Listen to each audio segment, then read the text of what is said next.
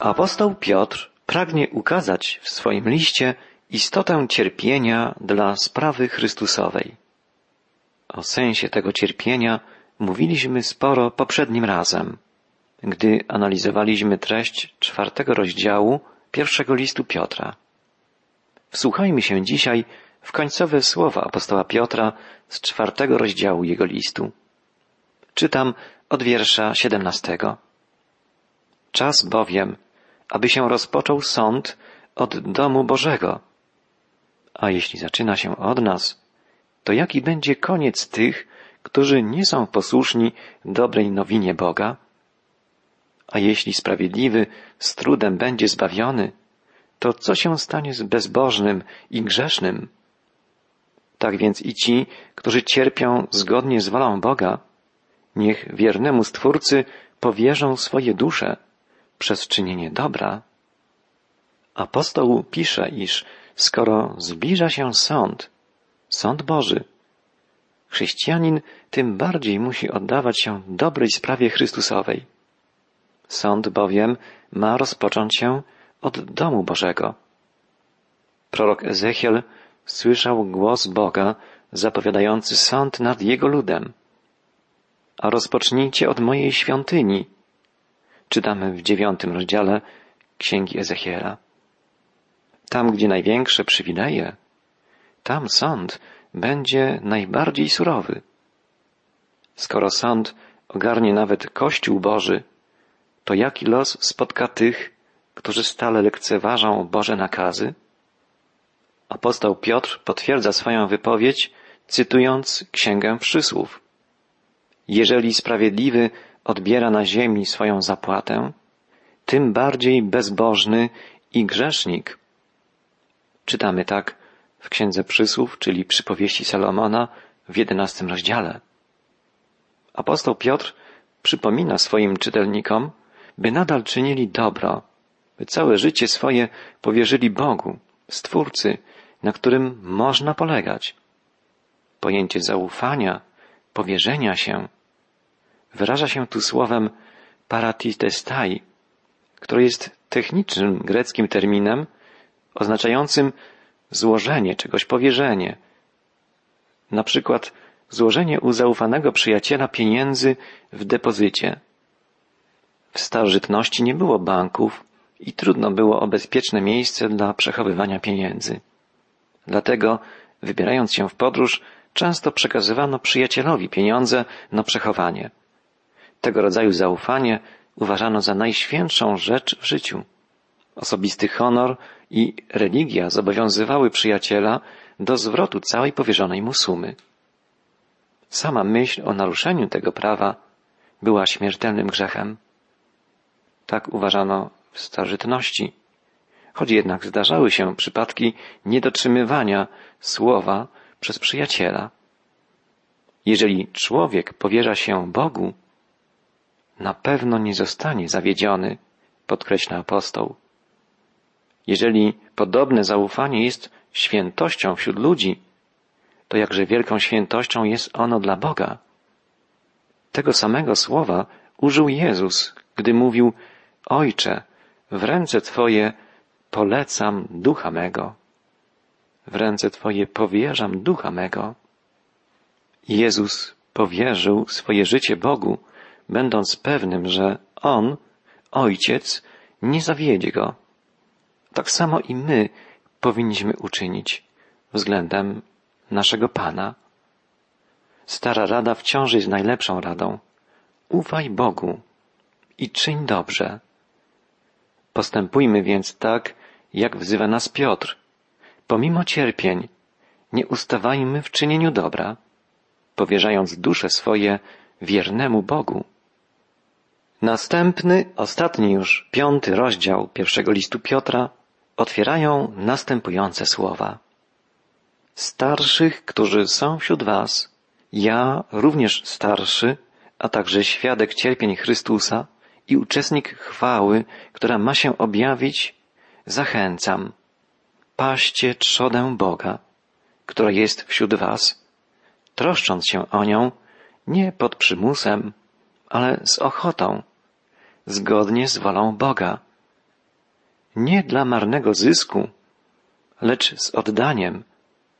Nie jak ci, którzy mają władzę nad powierzonymi sobie, ale jak ci, którzy stają się wzorem dla trzody. Apostoł swój list kieruje przede wszystkim do starszych i siebie również nazywa starszym. Warto zwrócić uwagę na godność starszego jako najważniejszej funkcji w pierwotnym kościele. Stanowisko starszego miało żydowski rodowód. Izraelici łączyli je z okresem wędrówki przez pustynię do ziemi obiecanej. Pewnego razu, przeciążony pracą, Mojżesz powołał, jak czytamy w czwartej księdze Mojżeszowej, czyli w księdze liczb, siedemdziesięciu starszych, którzy zostali oddzieleni od reszty i obdarzeni duchem mądrości Bożej. Później urząd starszych stał się nieodłącznym elementem życia w Izraelu. Starsi byli przyjaciółmi proroków, doradcami królów, towarzyszami książąt, zarządzających sprawami narodu. Każda osada i każde miasto miały swoich starszych. Spotykali się oni przy bramie i tam załatwiali wszelkie problemy mieszkańców. Starsi byli administratorami synagogi. Nie przemawiali tam, lecz doglądali porządku i dbali o dyscyplinę wśród jej członków. Starsi tworzyli poważną część Sanhedrynu, najwyższego urzędu sędziowskiego wśród Żydów. I dlatego stale wspominani są obok arcykapłanów, uczonych w piśmie i faryzeuszów. W widzeniach Księgi Objawienia dwudziestu czterech starszych siedzi wokół tronu Bożego. Starsi stanowili nieodłączną część struktury judaizmu i to zarówno w zakresie praw świeckich, jak i religijnych. Funkcja starszego występowała też wśród Greków. W społeczeństwie żyjącym w kulturze greckiej starsi byli przywódcami odpowiedzialnymi za załatwianie spraw publicznych, podobnie jak dzisiaj radni miejscy. Starsi wśród rolników zbierali daniny ze zboża, które następnie przekazywali wizytującemu ich tereny zarządcy. To oni wydawali zarządzenia, wybierali teren na pastwiska, zbierali podatki. W Azji Mniejszej członkowie rad też nazywani byli starszymi. Nawet w religijnych społecznościach pogańskiego świata spotykamy się z pojęciem starszych kapłanów, odpowiedzialnych za sprawy dotyczące dyscypliny. A więc na długo przed pojawieniem się chrześcijaństwa pozycja starszego była urzędem zaszczytnym, zarówno w kulturze żydowskiej, jak i grekorzymskiej. Chrześcijaństwo przejęło urząd starszych bezpośrednio z tradycji żydowskiej, z judaizmu. W Kościele Chrystusa stanowisko starszego od początku było podstawowym urzędem. Na przykład zwyczajem apostoła Pawła było ustanawianie starszych w każdym założonym przez siebie lokalnym kościele. W czasie podróży apostoła narodów w każdej wspólnocie dokonywano ordynacji starszych. Czytamy o tym w Księdze Dziejów Apostolskich, w czternastym rozdziale, gdzie znajdujemy relację z pierwszej podróży misyjnej apostoła.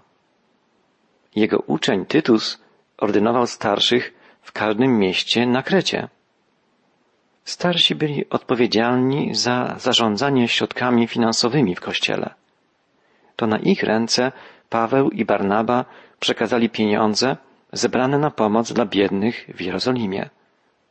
O tym czytamy w Księdze Dziejów Apostolskich w rozdziale jedenastym. Starsi byli radnymi i administratorami w kościele. Brali aktywny udział w naradzie w Jerozolimie, w czasie której postanowiono otworzyć drzwi kościoła dla chrześcijan pochodzenia pogańskiego. W czasie tej narady starsi i apostołowie stanowili najwyższy autorytet kościoła. Dzieje apostolskie, rozdział 15 i 16. Po przybyciu do Jerozolimy Paweł przed starszymi złożył sprawozdanie ze swojej działalności i słuchał ich rad odnośnie dalszego swego postępowania. Jednym z najbardziej wzruszających tekstów Nowego Testamentu jest opis pożegnania Pawła ze starszymi w Efezie. Starsi byli stróżami trzody Bożej i obrońcami wiary. Z listu Jakuba dowiadujemy się, że przez modlitwy i namaszczenie olejem starsi asystowali przy uzdrowieniach w kościele. Z listów pasterskich wynika, że byli oni przełożonymi i nauczycielami, w tym czasie już opłacanymi pracownikami. Możemy tę informację znaleźć na przykład w pierwszym liście do Tymoteusza, w rozdziale piątym. Kiedy ktoś staje się w kościele starszym, dostępuje przez to niemałego zaszczytu, gdyż otrzymuje najstarszy religijny urząd na świecie. Urząd, którego dzieje można śledzić przez całe tysiąclecia. Tysiąclecia judaizmu, chrześcijaństwa. Bierze taki człowiek na siebie wielką odpowiedzialność, gdyż został ustanowiony pasterzem trzody Bożej i obrońcą wiary. Apostoł Piotr pisze właśnie o tej wielkiej odpowiedzialności starszych. Podkreśla, że muszą oni być we wszystkim wzorem dla tych, którymi się opiekują. Apostoł Piotr pisze zarówno o przywilejach, jak i o obowiązkach starszych. Wszystko to jest bardzo aktualne także dzisiaj. Nie tylko w odniesieniu do funkcji starszych, ale też do wszelkiego rodzaju służby chrześcijańskiej, zarówno wewnątrz, jak i na zewnątrz Kościoła. A więc starszy powinien przejmować swój urząd nie z przymusu, lecz z radością. Nie oznacza to, że ktoś przyjmuje tę godność bez uprzedniego zastanowienia się. Każdy chrześcijanin z pewnym ociąganiem przyjmuje wysokie stanowisko, ponieważ zbyt dobrze wie o swej niegodności i braku odpowiedniego doświadczenia. W pewnym sensie godność tę i obowiązki chrześcijańskiej służby przyjmuje się jakby pod przymusem. Na przykład apostoł pisał do Koryntian Powinność spoczywa na mnie, a biada mi, jeśli bym Ewangelii nie zwiastował. Można jednak przyjąć stanowisko i wykonywać służbę jako nieprzyjemny i smutny obowiązek. Można tak niechętnie zgodzić się na podjęcie jakiegoś działania, że cała sprawa traci na wartości. Piotr nie pozwala, by ktoś w swojej próżności miał ubiegać się o stanowisko, każdy jednak chrześcijanin powinien wykonywać taką służbę, jaką może wykonać dla Chrystusa i być w pełni świadomym swojej niegodności. Bo przecież w Kościele tak naprawdę wszystkim kieruje Pan. Starszy powinien, radzi dalej Piotr, przyjąć swój urząd nie dla marnego zysku, ale z oddaniem. Człowieka kierującego się chęcią niegodziwego zysku, tak opisuje jeden z greckich pisarzy. Nikczemny człowiek nigdy nie ma dosyć pokarmu przed sobą i zwykle nakłada sobie podwójną porcję. Rozcieńcza wino, a do teatru idzie tylko wtedy, kiedy może otrzymać bezpłatny bilet. Nigdy nie ma pieniędzy na zapłacenie za przejazd, dlatego zawsze pożycza od pasażerów. Gdy sprzedaje zboże, używa miarki o nieco wypchniętym do góry dnie i nawet wtedy dokładnie wyrównuje poziom zboża. Liczy połówki rzodkiewek pozostawionych po obiedzie, aby słudzy ich nie spożyli. Na czas wesela oddala się z domu, aby nie dać prezentu ślubnego. Nikczemność i pazerność, chciwość to bardzo brzydka cecha. Pisano o niej już w starożytności. Możliwe, że w pierwotnym kościele kaznodzieje i misjonarze byli posądzani o wykorzystywanie swoich funkcji dla brzydkiego zysku. Paweł stale powtarzał, że nie pożądał niczyich dóbr. By nikomu nie być ciężarem, własnymi rękami pracował na swoje utrzymanie. Znajdujemy te wypowiedzi apostoła narodów w wielu jego pismach. Na przykład w pierwszym liście do Tesaloniczan w rozdziale drugim, w pierwszym do Koryntian w rozdziale dziewiątym, w drugim do Koryntian w rozdziale dwunastym. To prawda, w tamtych czasach przeważnie wynagrodzenia były bardzo niskie i dlatego ciągłe ostrzeżenia przed dążeniem do większego zysku wskazują na istnienie tych, którzy domagali się podniesienia uposażeń. Piotr podkreśla bardzo aktualną zasadę. Nikt nie może przyjąć jakiejś funkcji tylko ze względu na płynące z niej korzyści własne. Stałym pragnieniem ma być dawanie, a nie przyjmowanie. I w końcu Piotr pisze, że starszy powinien przyjąć urząd nie po to, by później tyranizować innych, by nimi rządzić, by nad nimi władać, ale by być pasterzem i przykładem dla trzody. Dla wielu ludzi prestiż własny i poczucie sprawowanej władzy są bardziej atrakcyjne od pieniędzy. Są i tacy, którzy po prostu bardzo lubią rozkazywać. Wielką cechą chrześcijańskiego pasterza jest bezinteresowna troska i miłość. Jeżeli ktoś dążyłby do zdobycia stanowiska dla własnej chwały, dla własnego wywyższenia, świadczyłoby to jedynie o pomieszaniu pojęć. Jezus powiedział przecież swoim uczniom, wiecie, że ci, których uważa się za władców narodów, nadużywają swojej władzy nad nimi, a możni ich rządzą nimi samowolnie. Lecz nie tak ma być między wami. Ale ktokolwiek by chciał być między wami wielki, niech będzie sługą waszym. Ktokolwiek by chciał być między wami pierwszy, niech będzie sługą wszystkich. Te słowa Jezusa najlepiej definiują to, jaka jest właściwa postawa przełożonych w Kościele chrześcijańskim. Apostoł Piotr wzywa starszych, paście trzodę Bożą, która jest między wami, nie z przymusu, lecz ochotnie, po Bożemu. Określenie po Bożemu to w tekście oryginalnym listu wyrażenie greckie katateon. Oznacza tak jak Bóg. Tak jak Bóg tego od was oczekuje. Tak jak Bóg by to sam uczynił. Piotr prosi więc starszych, paście swoją trzodę, tak jak czyniłby to sam Bóg. Jak Izrael jest dziedzictwem Boga, tak powierzeni służbie Bożej ludzie są dziedzictwem pasterzy, którzy się nimi opiekują. Stosunek starszych do podopiecznych powinien być taki sam, jak stosunek Boga do ludu wybranego. To wspaniały ideał i jakże wielkie napomnienie. Zadaniem przełożonych w Kościele jest wskazywanie ludziom na Bożą cierpliwość, na Bożą łaskę, Boże przebaczenie, na Jego ofiarną miłość i nieograniczoną służbę. Wszystko to ma być obecne nie tylko w słowach przełożonych, ale w ich życiu, w ich czynach, w ich postępowaniu. Bóg przydzielił starszym zadanie, które muszą wykonać tak, jakby On sam je wykonywał. Jest to najwyższy ideał chrześcijańskiej służby w Kościele. Piotr na koniec pisze o swojej własnej postawie. Przemawia do ludzi, do starszych, nazywając siebie również starszym. Nie staje ponad nimi, ale razem z nimi dzieli się problemami i przeżyciami, choć pod jednym względem różni się od nich.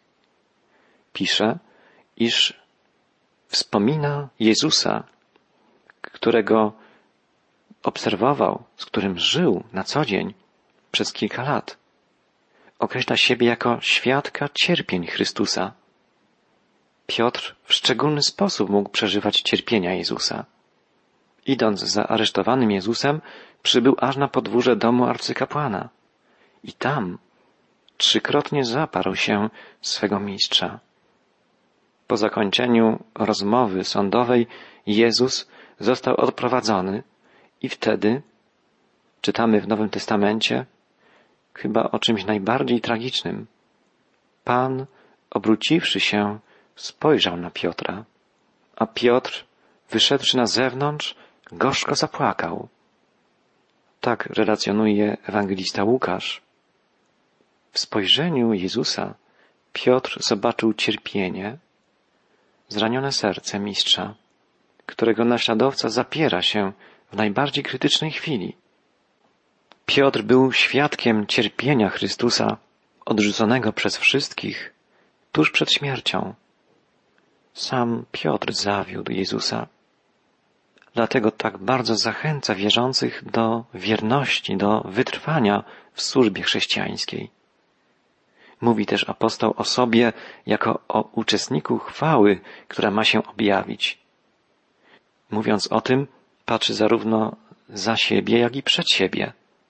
Piotr już oglądał przebłysk chwały Jezusa na górze przemienienia. Trzech przebywających tam uczniów zmógł sen, a gdy się obudzili, ujrzeli chwałę Jego. Czytamy w Ewangeliach. Piotr widział chwałę Jezusa. Wiedział też o chwale, która ma nadejść, ponieważ Jezus obiecał swoim uczniom udział w chwale Syna Człowieczego, kiedy zasiądzie na tronie chwały swojej. Czytamy w Ewangelii Mateusza. Piotr pamiętał zarówno o obietnicy, jak i o przeżyciu chwały Jezusa, której już doświadczył.